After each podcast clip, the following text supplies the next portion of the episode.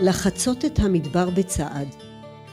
איתי אלטשולר מקים בית יונה ומחלים מאלם קרב, מלווה את גלעד פרג ואתכם במסעות לריפוי עצמי בטראומה, דרך הכאב אל החיים שמעבר. זוהי דרך שהוא מכיר היטב כמי שדרך בה בעצמו וליווה בה גם אחרים.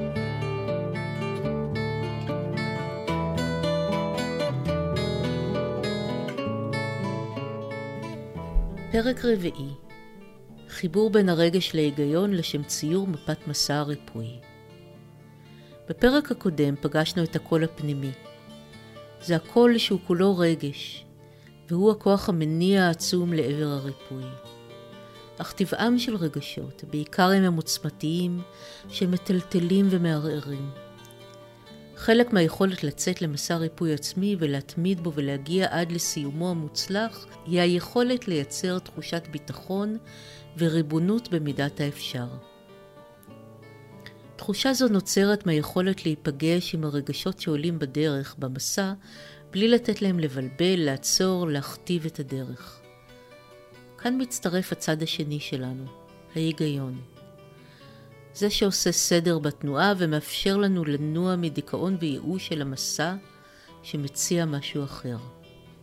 הפעם נפגוש את שאולי, אדם מבוגר שטראומה בילדות ניתקה אותו מהצד של הרגש, לימדה אותו לתפקד, להסתמך על ההיגיון.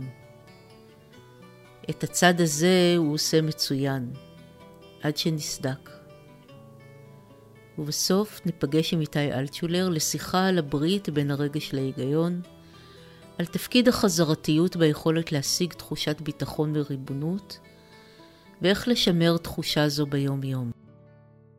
ועל היכולת של הלב ללמוד את מה ששכח, הוא לא זכה ללמוד כשנפגע בילדות. קריינות, סימה אלטשולר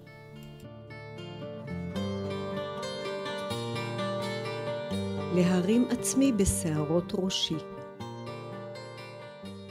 מה שמפחיד אותי במסע שלקחתי על עצמי, שעדיין לא ברורה לי הדרך. לאן אני צריך ורוצה להגיע. אחרי שנים של עבודה בתפקידים חשובים, וחלקם אף בעלי חשיבות לאומית, הגיע הנכד. העבודה תבעה ממני את מלוא תשומת הלב, לא פעם על חשבון האישה והילדים. יותם, בנם של בתי מיכל ובן זוגה איתמר, טלטל את עולמי בחיוניותו ובסקרנותו. מצד אחד התרגשתי מאוד, אולי אף יותר מאשתי, וגם נמשכתי אליו מאוד, כמעט ללא שליטה, עד שמיכל נדרשה מדי פעם, ולפעמים אף בכעס להזכיר לי, אבא, הנח לו, הוא לא צעצוע, תן לו לזחול, תן לו ליפול, בקיצור, תן לו. מצד שני, הוא הציף בי את זכרו של יוני אחי הקטן, שנפרדנו ממנו כשהיה בן שבע. הזיכרון הביא עמו כאב ועצב שלא הכרתי, ואלו הציפו את כולי והתיישבו בכל תא ותא בגופי כסוג של מבדד עם תוכנית להפוך להתנחלות של קבע.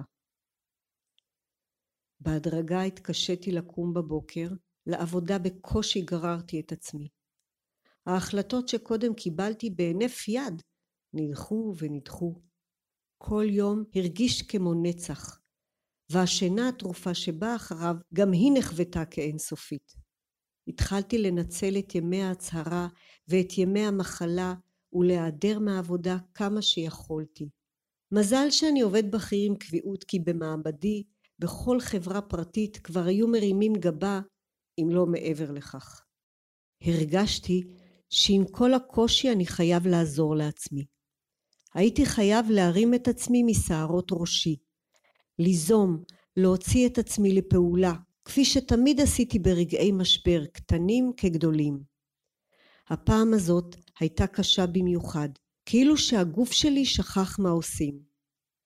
לא מיד, אך חיפשתי ומצאתי טיפול רגשי.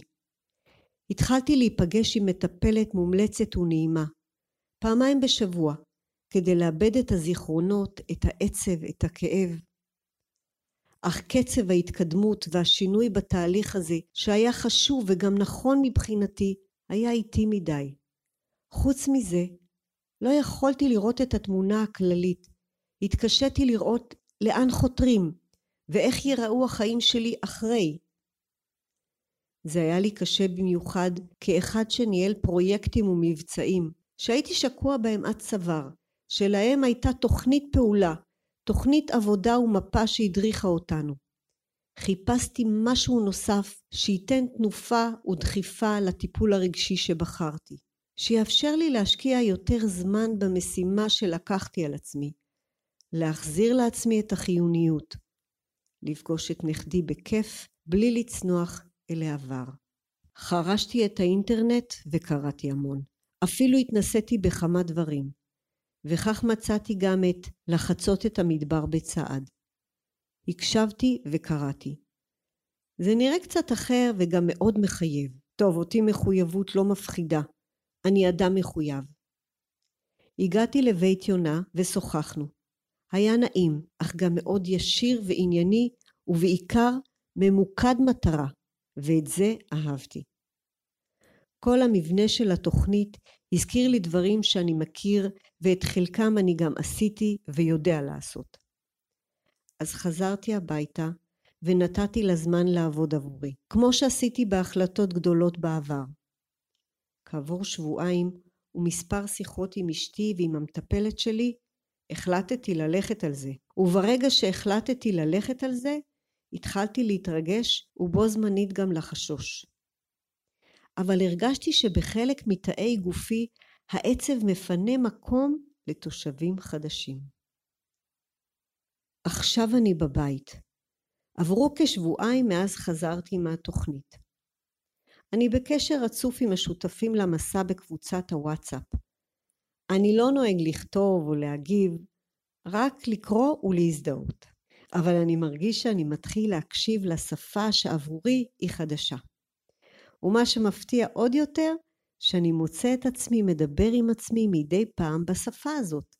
שפת הגוף, שפת האיטיות, שפת היסוד החי שנרדם בקרבי כשנפרדנו מיוני. לקראת המפגש הבא, שבו נעבוד גם על מפת מסע ריפוי אישית שלנו, התבקשנו לצייר מפה ולערוך מקרא של יעדים, תחנות, אתגרים ומכשולים. התבקשנו לצייר בעיני רוחנו איפה אנו רוצים להיות לאחר שנחצה את המדבר בצעד, או בלשוני, מה היעד? אולי גם מה המטרה? האמת שזה ממש קשה. אני חשבתי שאני רוצה לחזור למי שהייתי קודם, אבל אני כבר לא כל כך בטוח שזה טוב עבורי. תמיד התקשיתי לדמיין דברים, בייחוד ביחס לעצמי. אבל עכשיו, אחרי שאני חוזר על הצעידה האיטית שעשינו בבית יונה, צצים לנגד עיניי לרגעים דימויים שאיני יודע אם הם מטרות, התחנות או המכשולים, אבל אני יודע שאני זקוק למפה כזו ורק אני אוכל לציירה. לכן אינני מוותר כשזה לא מצטייר בקלות. יש לי די זמן עד הפעם הבאה. שלום איתי. שלום גלעד. יש לי המון המון המון שאלות לגבי הפרק הזה, השלב הזה בתהליך.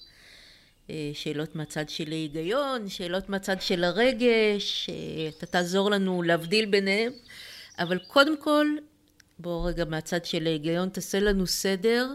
אנחנו כרגע לקראת אה, יצירה של המפה האישית, של הדרך, ואני רוצה לדעת מתי זה קורה בתוך התהליך. מה שקורה בפוסט טראומה, אדם מרגיש שנלקחו ממנו הכלים לשלוט בחיים שלו. ואנחנו לאורך כל המסע עסוקים בין השאר להחזיר לו את התחושה שהוא שולט בחיים שלו. בגוף, בתוכניות, ברגשות, ולא שהוא מין אגוז שמטולטל בתוך הים ומגיב לסערות הפנימיות והחיצוניות שקורות. והמפה של הריפוי היא באה בשלב שאדם כבר נפגש עם הקול הפנימי ובצורה הזו באיזשהו מקום עם היסוד החי. נפגש עם היכולת להקשיב, נפגש עם הגוף, מתחיל איזשהו דיאלוג איתם וכמובן שבין מפגש למפגש יש לו זמן לתרגל את זה בבית כך שהדיאלוג שלו הוא, הוא בעומקים מאוד גדולים. ואז שהוא אומר אוקיי אני עכשיו לוקח את המושכות ואת האחריות לתכנן איך אני רוצה לצאת מהברוך שהחיים הובילו אותי אליו. יש לו כבר כלים איך לבנות את זה, יש לו את הביטחון ברמה מסוימת בעצמו, ועכשיו בעניין הכל כך אה, מטלטל בתוך החיים, עכשיו הוא לוקח את המושכות. ועצם היכולת לקחת את המושכות, ועצם היכולת לקחת את האחריות, ועצם ההובלה, היא כשלעצמה אה, חלק מהבראה. ולכן המפה הזאת צריכה להיעשות על ידי האדם עצמו ולא על ידיך למשל. ודאי. בפעם הקודמת עם ירון דיברנו על הקול הפנימי שהוא מתבטא בצד של התחושות, והיום אנחנו מדברים על הצד של ההיגיון, כששני הצדדים האלה צריכים לעזור לנו ליצור את המפה. אבל אה, אפשר להגיד על אה, שאולי שהוא לגמרי בצד של ההיגיון. זה שירת אותו, וזה בא על חשבון המקום של הרגש. כן, אני יכול להסכים את זה. אני חושב שבשלב שאנחנו נמצאים היום גם הוא מסכים עם זה. הוא גם מסכים עם זה,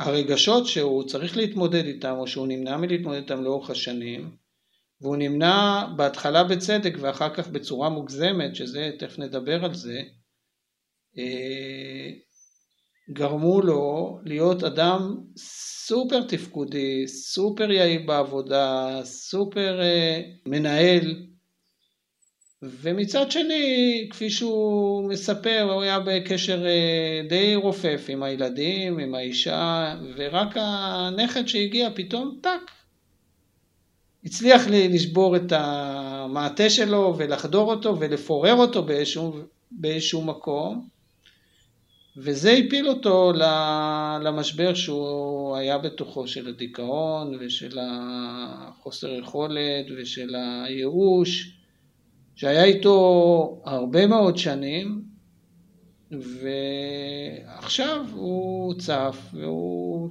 כאדם מאוד מעשי ומאוד זה, הוא לקח את עצמו בידיים, אוקיי, אני, בסדר, הייתי שם, אני שם, אני זה, אני, אני לא, לא יכול להישאר שם יותר, ואני אעשה מה שאפשר בשביל אה, לצאת מזה בצורה רציונלית שהוא חושב, ככה הוא הגיע לפרויקט הזה, של לחצות את המדבר בצעד. שוב ההיגיון הציל את שאולי מהמקום שבו הרגש אה, כמעט מוטט אותו. נכון, אבל הפעם בדרך אחרת. אם שאולי הילד בחר בדרך של להתחבר להיגיון בתור אמצעי הישרדות, שזה אה, דרך מאוד מוצלחת ורצויה במקרים מסוימים, הבעיה הייתה לא בזה בבחירה עצמה, אלא בזה שהבחירה הפכה להיות טבע שני. וזה הפך את, את, אה, את שאולי לבן אדם חסר. והמהלך שלו בבית יונה הוא היה להיפגש עם הרגש בלי שהרגש אה, ישבור אותו ויפרק אותו וללמוד איך לחיות גם עם הרגש ולא לוותר על ההיגיון כי ההיגיון הוא חלק שאלוהים נתן לנו וכדאי להשתמש בו. הזכרת את טראומת הילדות של שאולי והיא מתפרקת לו בגיל מבוגר. איך זה שזה קורה רק עכשיו או למה דווקא עכשיו?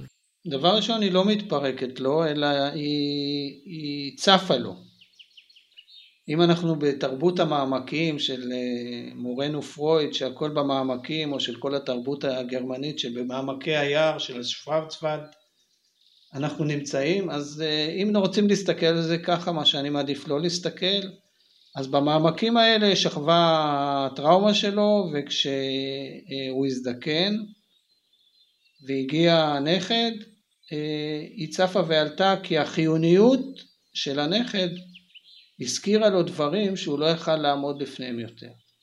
אבל מה שמעניין בסיפור של שאולי, שהוא, שהוא מקרה פרטי, היא שיש הרבה טראומות ילדות שאנשים אה, גונזים אותם בצורה טבעית כילדים וחיים חיים תפקודיים ומולידים ילדים ועובדים ועד שהם מגיעים לגיל, גיל הפנסיה או לגיל אה, יותר מאוחר והטראומות האלה עולות וצפות בגלל היעדר ההאחזות באינטנסיביות של החיים. לא רק, גם לילדים שעברו אה, אה, ניצול מיני בגיל צעיר, או נשים שעברו גילוי עריות, או בנים שעברו גילוי עריות, הרבה פעמים הם מתחילים לטפל בזה ושזה יצוף למודעות שלהם החל מגיל 40. כמובן שבמקרה הזה לגבי האשמים חל, חל, חל, חוק ההתיישנות וכו', אבל אה, זה, זה הדינמיקה וזה מסבך את הדברים. זה מסבך אותם מהסיבה שאנשים חושבים שזה האישיות שלהם, איך שהם התנהגו לאורך השנים, וחלק ממה שהם חושבים שזה האישיות שלהם, זה למעשה הייתה התגובה שלהם לטראומות שהם עברו בתור ילדים. וכשהם צריכים ללמוד אה, אה, דברים חדשים או להיפגש עם חלקים אחרים באפשרויות שיש להם בתוך, ה, במרכאות האישיות, אה, הם די מאותגרים וחלק גדול גם מצליח להתגבר על האתגר ולהיפגש עם, עם עצמם בעוד דרכים. הם בעצם לא כל כך מכירים את עצמם בלי המקום הזה של הטראומה, כיוון שהם לא הספיקו להיות אנשים אה, שלמים ובוגרים בלעדיה. נכון.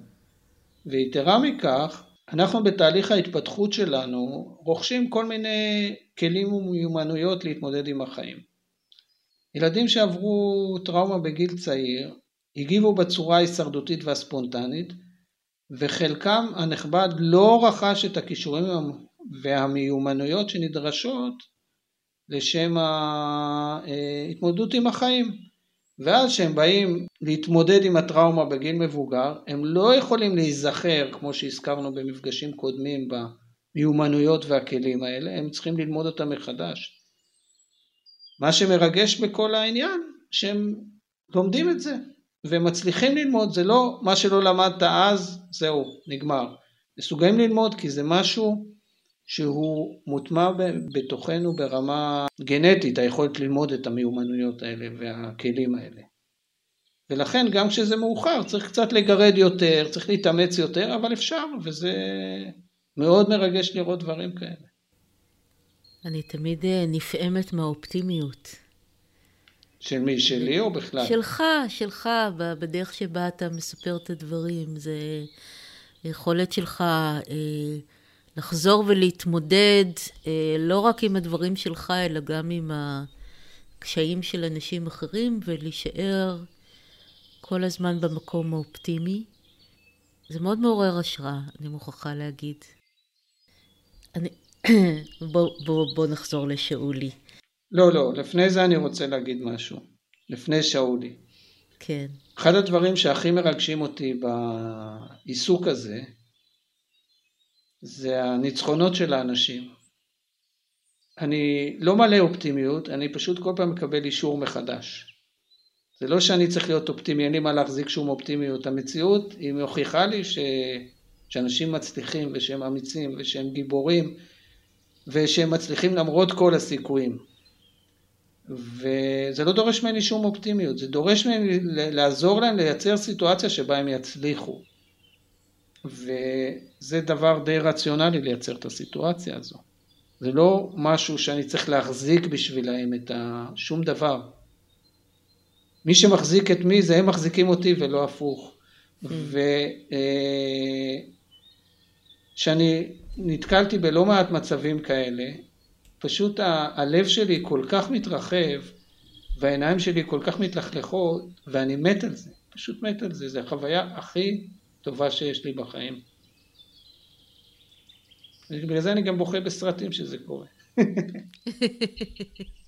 אשריך.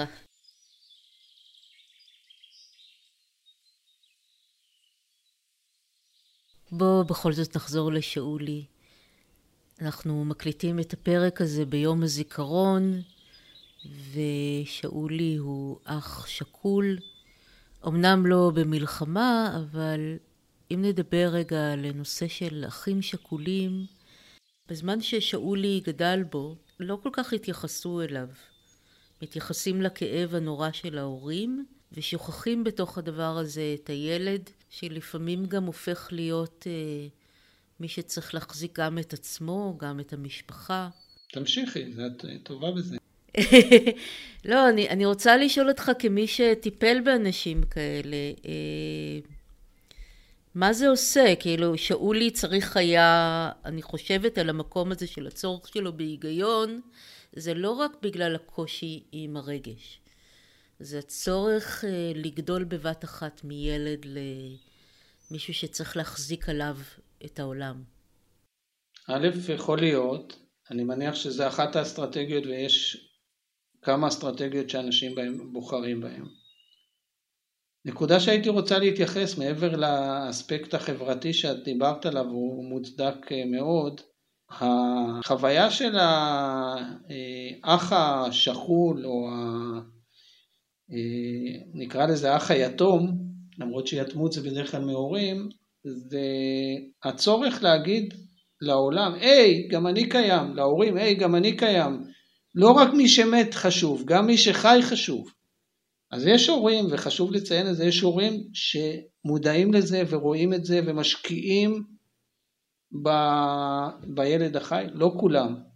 יש כאלה שכל כך סובלים מהכאב של אובדן ילד, שזו חוויה קשה ביותר, שלא מצליחים לראות מעבר אליה, ויש מקומות שיש חלוקת תפקידים. אחד ההורים מתייחס לחיים, ואחד מההורים שקוע יותר באבל. אז המצב של מי ששני ההורים שלו שקועים באבל ובשימור הזיכרון היא קשה מאוד. וחלק מתהליך ההחלמה מדבר כזה הוא לאשרר, לקבל בביטחון את זכות הקיום שלך בכלל. לא להיות בצל של מישהו, אלא להיות בשם עצמך, וגם את זה צריך לתרגל.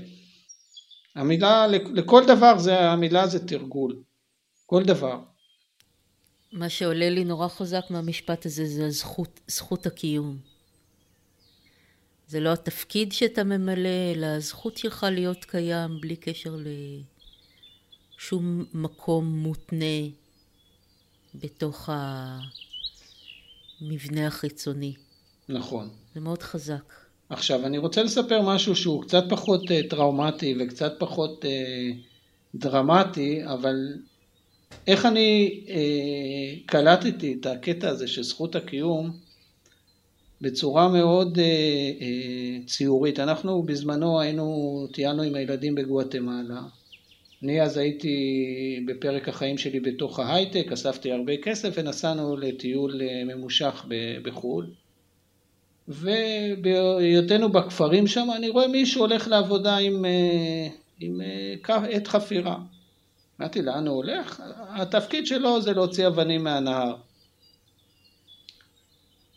והמפגש עם הבן אדם הספציפי הזה פשוט טלטל את כל עולמי ואמרתי לא צריך להיות מישהו, משהו חדשני, לא חדשני בשביל להיות קיים, אתה קיים בכל מקרה. וזה היה מבחינתי נקודת תפנית מאוד גדולה בהבנה שלכל אדם באשר הוא, לא, ללא קשר לפונקציה שלו, לתפקוד שלו, ליכולת שלו, ל... יש זכות קיום והיא מובנת מאליה. וזה היה מתנה מאוד גדולה מהאיש הזה שאני לא יודע איך קוראים לו, הוא לא ראה אותי, אני רק ראיתי אותו וזהו. אז אה, אמרת שאת אוהבת סיפורים, אז זה סיפור. כן, לא, זה סיפור אה, מרגש כי הנושא הזה של אה, זכות קיום הוא, הוא לא דבר טריוויאלי, ואני חושבת שהוא לא טריוויאלי לילד שנותר אחרי הילד שמת. שוב, אם אנחנו חוזרים לשאולי, אני רוצה לשאול ואני רוצה לחזור למפה. בסדר? אני רוצה לחזור למפה של שאולי ולהבין אותה קצת. אתה יכול לתת לי דוגמה למשהו שהוא יכול היה אה, לתאר לעצמו כמפה? אה, אני לא, אני לא יכול להגיד לך מה הוא יכול לתאר לעצמו מפה, כי אני חושב שבסיפור אה, מה שמסופר זה על הקושי שלו לתאר לעצמו מפה, אבל עם ה... הרצון שלו להתמודד עם הדבר הזה. זאת אומרת, הוא טוב במפות, כי הוא היה איש מאוד תכנון, אין לו בעיה עם מפות, אבל זה מפות עם דברים שהוא לא יודע איך להתמודד איתם. ופה הקושי אה, הגדול. איך אני מתחיל להכניס, את, נגיד במקרה של שאולי, את העולם הרגשי לתוך החיים שלי. איך אני מכניס את זה בלי שזה יטלטל אותי? ואיפה אני בוחר את הנקודות הכי קלות לעשות את זה? כי אז אה, אם אנחנו, זה קו מנחה שיחזור עוד פעם ועוד פעם ועוד פעם, אנחנו רוצים לזכות בהצלחות, רוצים להתחיל בקל, אה, ולכן הוא צריך להחליט בשל עצמו איפה זה הכי קל לו. איפה הכי קל לו לשים לב לגוף ולהביע מה הוא מרגיש, בלי שזה... אז נגיד מה, מה הצעד הראשון שהוא אה, מסמן לעצמו שהוא היה רוצה לעשות? אני חושב של... אה, להיות שיחה עם... אה, אה, עם אשתו אחרי ארוחת אה, בוקר, ערב או אה, ארוחת שישי ולשאול אותה איך היא הרגישה בארוחה ואחר כך שהוא יגיד איך הוא הרגיש בארוחה, אוקיי? זה משהו מינורי ברמות לרוב האנשים או בכלל לא רלוונטי לשאר האנשים במקרה של שאולי זה כמעט כמו הרוביקון שהוא צריך לחצות, כי זה לא סוג הדיאלוג שלו עם, עם העולם. עכשיו אשתו זה אזור מוגן, ארוחה זה לא big deal, זה לא מעורר רגשות אה, עמוקים ומסעירים, ועדיין יש שם איזושהי חיבור לגוף, חיבור לתחושות, חיבור לרגשות, וזה דוגמה איך להתחיל. על משהו, לבחור משהו שהוא קלי קלות לכאורה, או אה, בסל הדברים החשובים שלו, ברור שזה לא הדבר הכי חשוב. ואז להמשיך עוד במפה, להתחיל לחשוב, לשאולי אין בעיה לחשוב, אז הוא יכול לחשוב, מה, איפה אני יכול להתקדם, איפה עוד, הוא מכיר את החיים שלו, אני לא מכיר את החיים שלו. זאת אומרת, אני מכיר את החיים של אלה שהיו פה במידה מסוימת, וכל פעם שהם עשו את המפה, אז הם, אה, אני הופתעתי לגלות את התחום הזה של החיים שלהם. ומה שהיה התפקיד שלי בדרך כלל, זה היה לעצור אותם מללכת לדברים הכי חשובים והכי קשים. אז איך אתה מנחה אותם? מה, מה אתה אומר להם? אני הייתי מסתכל על זה כמו בסיפור של אביגדור דגן, יש לו השען בסמטת המזלות. והוא מספר שם על שני סוגים של אנשים, אנשים שכל הזמן הראש שלהם בשמיים ורואים כוכבים, ואנשים שכל הזמן הראש שלהם ברצפה והם מוצאים כסף וכל מה שיש על הרצפה. הסיטואציה הזו היא סיטואציה שבה האנשים שלנו הם או בראש עם ה... בשמיים או ב... באדמה, והם קצת מרימים את העיניים ומכוונים אותם קדימה לאופק. לא באדמה ולא ב... לא ברצפה. והמפה זה סוג של ציור אופק אה, טנטטיבי אה, שהוא לא כזה קריטי, זה לא שאני הולכים להעיף טילים לחלל, אלא הערך הגדול של המפה הזו הוא לא בתוכן שלה, הוא בבעלות על התהליך. וככזה התוכן קצת פחות משנה. זה מהזווית שלי בתור המנחה, כן? האנשים שעושים את זה, זה לא מה שהם חווים, אבל אה, בראייה היותר רחבה של תהליך ההבראה שלהם, זה מה שחשוב לי. שהם יובילו את עצמם. את כן, זוכרת, זה, זה תהליך דנו. ריפוי עצמי. כן. וזה שונה מהמקום שבו שאולי החזיק את עצמו ואולי החזיק את כל המשפחה. אה, יש כאן אה, מקום שהוא לוקח בעלות והיא אחרת, היא במקום שבו אה, הוא לא שוכח את עצמו בדרך. בדיוק, בדיוק. זה, זה דבר חזק. זה מדהים עד כמה אנשים יכולים לוותר על עצמם אה, בתוך החיים שלהם. זה באמת מדהים ועצוב. מה שלא אה, מלמדים אותנו בבית ספר, או בשום מקום אחר, איך אנחנו יכולים גם לא לוותר על עצמנו וגם לא לוותר על הזולת או על החברה. תמיד יש מצב של או-או, או שאני או שהאחר. והרבה, המצב של פוסט טראומה שהוא מצב קיצוני של התנהגות חברתית נורמטיבית הוא מאוד מדגיש את האו-או הזה וחלק מתהליך ההבראה הוא להפוך להיות גם וגם. להיות בדיאלוג, באיזון חוזר עם, ה... עם העולם ועם הסביבה מתוך כבוד לעצמי ולאחר. אני חושבת שנסיים כאן היום ואני ממש מאחלת לשאולי הצלחה בדרך. הוא מאוד נגע לליבי. אני בטוח שהוא יצליח, הוא מסוג האנשים שמצליחים. אז בפרק הזה אנחנו מסיימים את הרבע הראשון של המסע, שני, שני סשנים הראשונים של המפגש. מה הולך להיות ב, בשלב הבא? על בסיס מה שעשינו בעשרה ימים הראשונים, ואנחנו מתחילים לרכוש כלים נוספים, אה, כמו נושא הצרכים, כמו נושא הגבולות ועוד נושאים, בתור, למשל, אם מדובר על גבולות, איך אני מנהל את הגבולות שלי. לא אם יש לי או, או אין לי גבולות, אלא איך אני מנהל את הגבולות שלי. איך אני מזהה את הצרכים שלי ומה ההבדל בין צרכים לרצונות ומה אני עושה עם זה. וכך הלאה וכך הלאה, כשכל דבר כזה הוא רלוונטי מאוד מאוד לזעזוע שקורה לאנשים בפוסט טראומה. זה כאילו בפרק הראשון היה הנה אני, ובפרק השני אנחנו מתחילים במה אני רוצה. מה אני צריך. מה אני צריך.